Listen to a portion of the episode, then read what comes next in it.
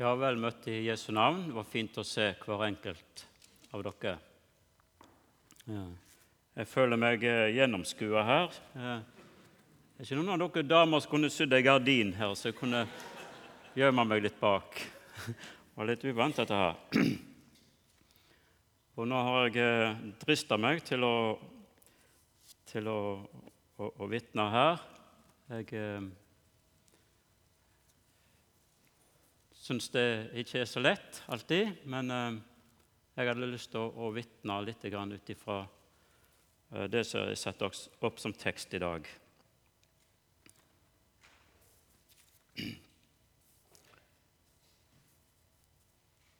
Men jeg har lyst til å legge stunda fortsatt i Jesu hender. Sett meg så jeg ser deg, Jesus i ditt guddomsord. Tal til meg, og la meg høre du i ordet bor. Må du møte meg, Jesus, må du møte hver enkelt. Ikke oss, Herre, ikke oss, men ditt navn gir du ære for din miskunnhets og din trofasthets skyld. Amen.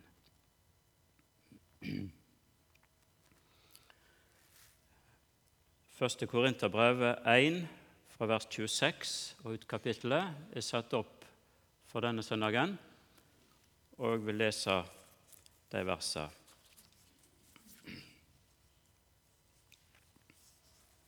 I Jesu navn. Og eh, det skal være nattverdmøte, Herrens måltid, og da skal vi prøve å ikke holde så lenge på nå. 1. veien 1,26.: Brødre, legg merke til det kall dere fikk. Ikke mange vise etter kjødet ble kalt, ikke mange mektige, ikke mange av høy ett. Men det dåraktige i verden, det utvalgte Gud seg for å gjøre de vise til skamme. Og det som er svakt i verden, det utvalgte Gud seg for å gjøre det sterke til skamme. Det som er lavt i verden, og det som er foraktet, det utvalgte Gud seg, det som ingenting er, for å gjøre til intet, for å gjøre, for å gjøre det til intet som er noe, for at intet kjød skal rose seg for Gud for det er Hans verk at dere er i Kristus Jesus. Han som for oss er blitt visdom fra Gud, rettferdighet og helliggjørelse og forløsning, for at, som skrevet står, den som roser seg, han roser seg i Herren. Amen. Da Jesus for opp til himmelen, så sto det igjen eh, elleve menn på berget med ei eh, menneskelig talt umulig oppgave. De skulle gå ut og være hans vitner i Jerusalem og til jordens ender, står det. Og Her skulle altså elleve ulærde menn eh, møte verdens visdom verdens sterkeste militærmakt, og så står de der. Men eh, vi leser at de, de gikk og fulgte kallet, og gjennom motstand og forfølgelse så gikk evangeliet fram. Og så kan vi lese at en dag så nådde det en forfølger som het Paulus. Og så skjedde det store under at han vendte om, fulgte kallet, og så fikk han da et kall til å forkynne evangeliet for, eh, for uh, hedningene. Så kan vi lese videre i, i apostelgjerningene 16, der han fikk eh, se dette synet som vi kjenner til. Det sto en i Europa, Makedonia, og ropte 'Kom over og hjelp oss'. Og Paulus han uh, fulgte kallet, Men da han kom over til Europa, så sto det ingen mann og venta på han og tok imot han. Men tvert imot så opplevde de forfølgelse, og vi kan lese at de ble satt i fengsel. Men evangeliet var kommet til Europa. Og det gikk over 1000 år før at dette ordet om Jesus nådde Norge, vårt land. Der korset ble reist og lyset strømte over landet vårt. Og fra generasjon til generasjon så gikk dette ordet om Jesus videre. Og en dag så nådde dette meg. Jeg som gikk min egen vei og hadde tatt avstand fra det som hadde med, med Guds rike å gjøre. Så vidt jeg vet, av de 19 eh, som vi var sammen på, på, på skolen, grunnskolen, så er jeg den eneste som er en kristen. Helt ufortjent. Jeg forstår det ikke. Og hva er dette? Jo, det er Guds nåde. Legg merke til deres kall. Og Jeg syns det er så godt, og det vil jeg få si som mitt vitnesbyrd. Det står i Hosea 11, vers 4. Eh, der Herren sier det at med menneskebånd dro jeg deg, med kjærlighetens rep. Det var ikke pisken Jesus sto med, det var ikke kravet, men med kjærlighetens rep. Det syns jeg er så fint og godt. Og Det står i Romerbrevet 2 at det er Hans godhet som driver oss til omvendelse. Legg merke til deres kall. Og når Gud møter et menneske med et kall, så er det helt urimelig. Og det er av bare nåde. Tenk hvis vi måtte være spesielt vise eh, være av en særlig rang eller klasse, ha en spesiell status eller posisjon, stammetilhørighet eller høre til en spesiell kaste, som, som vi hører om i, i Østen, for at uh, Guds kall skulle nå oss. Da var det ikke mange som fikk et kall. Men nå står det skrevet her om det dåraktige, det som er svakt, lavt. Ja, det som ingenting er, det som egentlig ikke eksisterer, betyr det. Der stiger Gud inn med sitt kall. Og Poenget er at, eh, å vise hvor djupt Herren strekker seg, og hvor djupt han stiger for å nå et menneske med sitt kall. Og så er det slik når vi leser i Bibelen, at eh, de som, hadde, de som var rike, de nådde han ikke inn til. De som hadde noe i hendene, måtte gå tomhendte bort, står det. De som var mette, de fikk han ikke gi noe. Og så møter Herren Jesus deg i dag. Om du skulle høre til, til det som er sagt her, så stiger han inn til deg med sitt kall og sin frelse. Eh, du har lest sikkert om da det skulle bli ny konge i Israel. Og så sier Herren til Samuel, 'Gå til Betlehem', og så kaller du sammen til fest. Og så sier du at Isai han må komme med sønnene sine, for en av dem skal være konge. Og ser du der de står på rekke og rad, eh, Og Samuel han ble imponert når han så disse ungdommene. Og så sier han det Det sto i 1. Samuel 16. Eh, så så han eh, han som heter Eliab. En flott ungdom, kraftig, og så ut til å være et kongsemne. Så sier Samuel og tenker han må det være. Og da er det Herren sier det at eh, se ikke på hans utseende, hans høye vekst. Jeg ser ikke på det mennesker ser på, for mennesker ser på det ytre, men Herren ser på hjertet. Og så sier, sier Samuel til, til Isai Er dette alle sønnene dine som står her? Så sier Isai Nei, eh, jeg har en til. Han yngste. Han, han er nå ute og gjeter sauer, han. Trenger ikke bry deg om han. Da sier Samuel, 'Send bud på ham og hent ham.' Så var det han som var ubetydelig, som ingen regna med.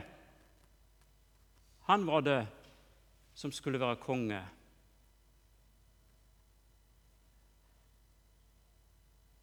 I den store verdenssammenhengen så er det ingen som regner med meg, sikkert. Det er ingen som spør meg eller deg men det er en som spør etter deg. Send bud på ham. Hent ham.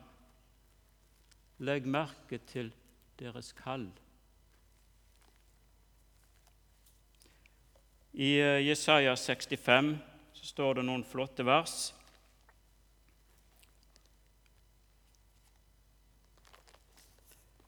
Jeg var å finne for dem som ikke søkte meg.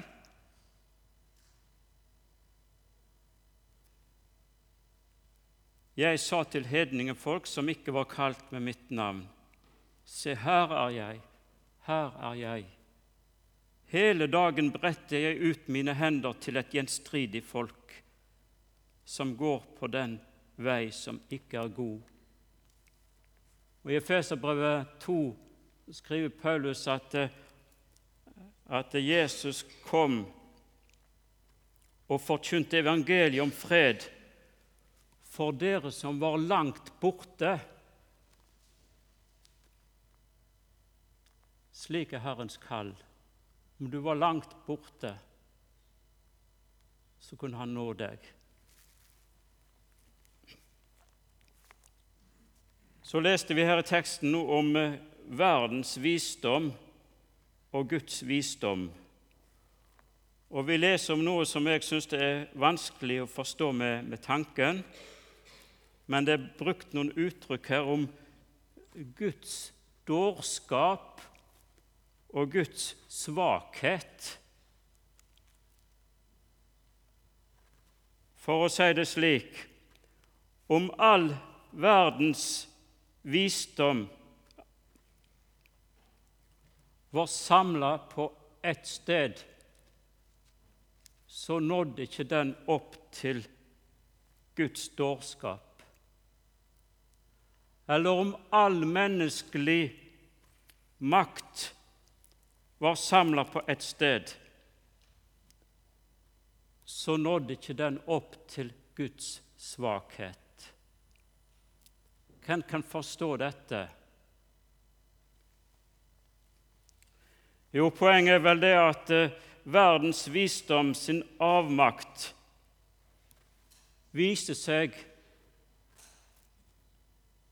i at vi ikke vet hvordan vi skal bli frelst. Vi har ingen greie på hvordan vi skal takle det med evigheten, egentlig. Så dypt er vi falt. Og i Korint så, så var det den greske visdommen som gjorde seg gjeldende. Det var noen som hevda det at, at det var gjennom filosofi og tankebygninger så, så kan vi gjerne finne en vei til, eh, til frelse og til det evige liv utover dette livet.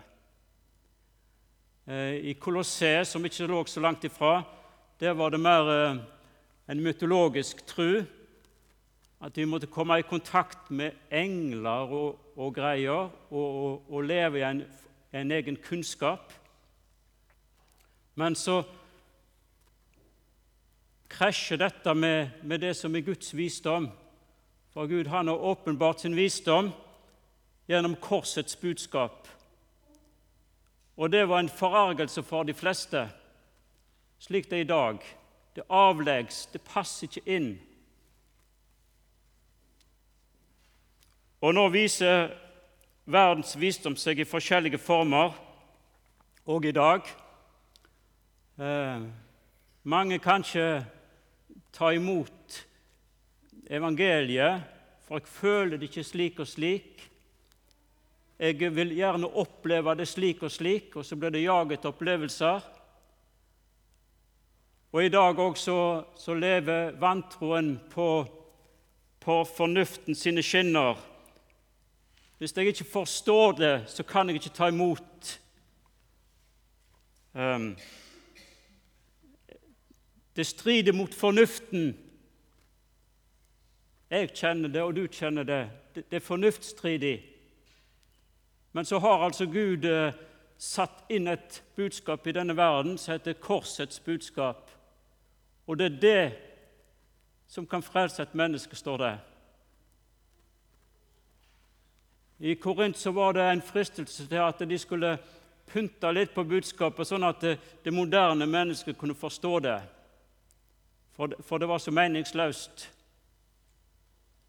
Vi opplever den samme fristelsen i dag.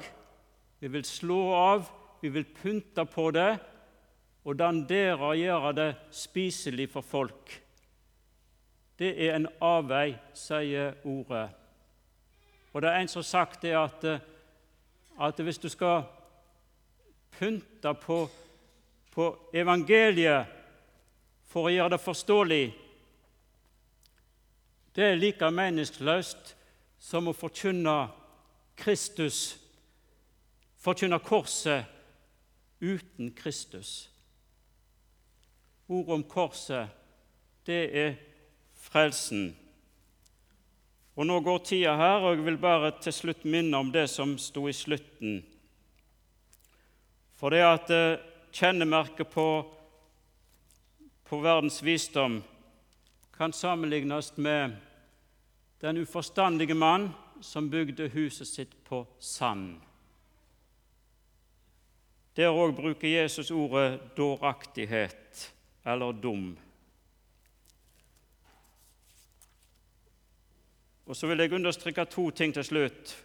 For det første det er Hans verk at dere er i Kristus Jesus.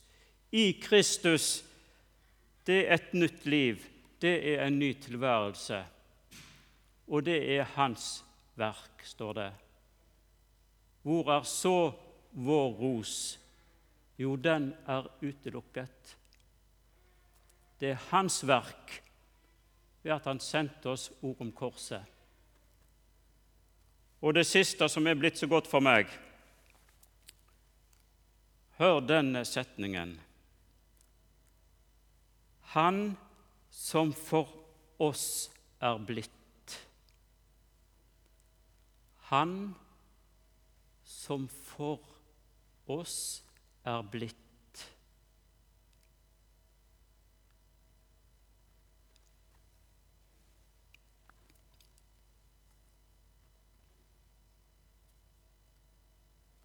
Jesus sa 'alt mitt er ditt'. Og i vers 5 i, dette, i 1. Korinterbrev 1 så står det at eh,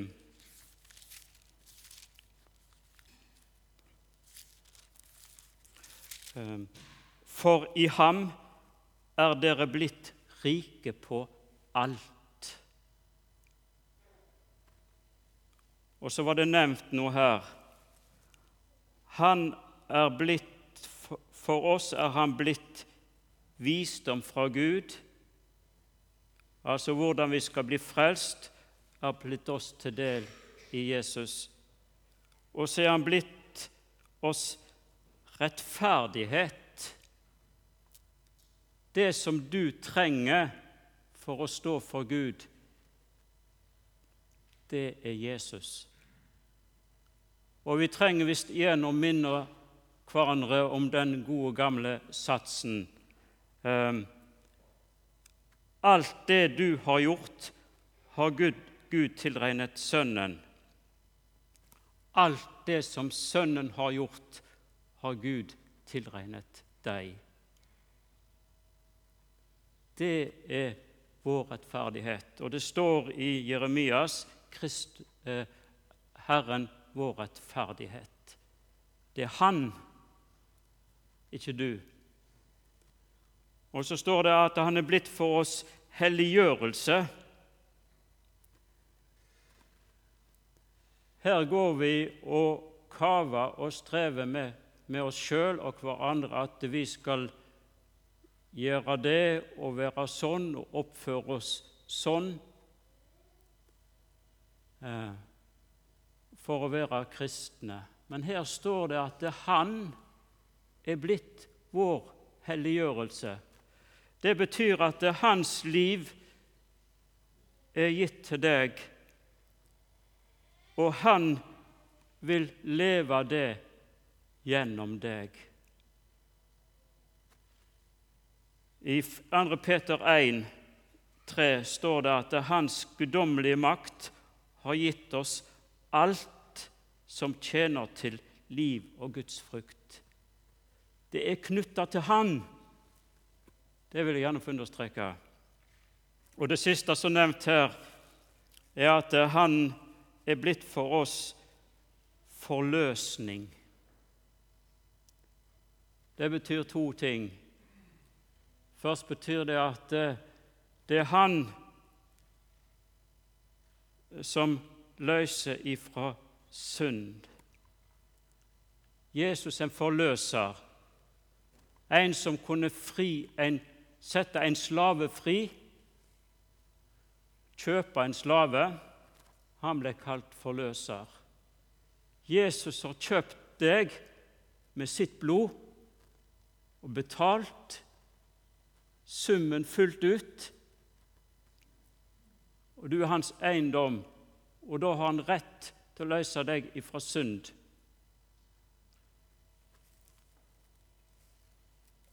Og så syns jeg i dette ordet 'forløsning' er et sånn eh, fantastisk evighetshåp. Eh,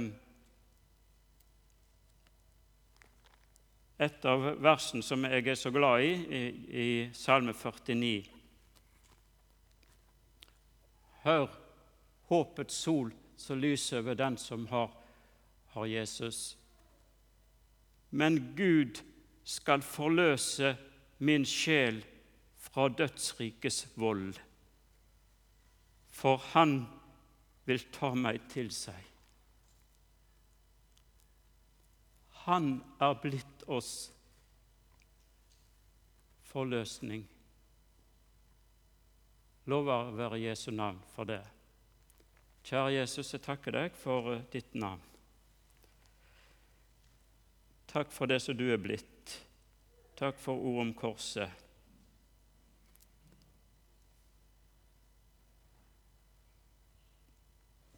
Takk for at det fins ei makt som kan løse seg fra synd, som kan løse seg fra dom, fra død. så ber jeg at du må møte den enkelte av oss. At du kunne bli opptatt med deg hva du er. Og så ser du, Jesus, at jeg ofte ikke er sånn som jeg skulle være, og kommer til kort i, i å leve som en kristen.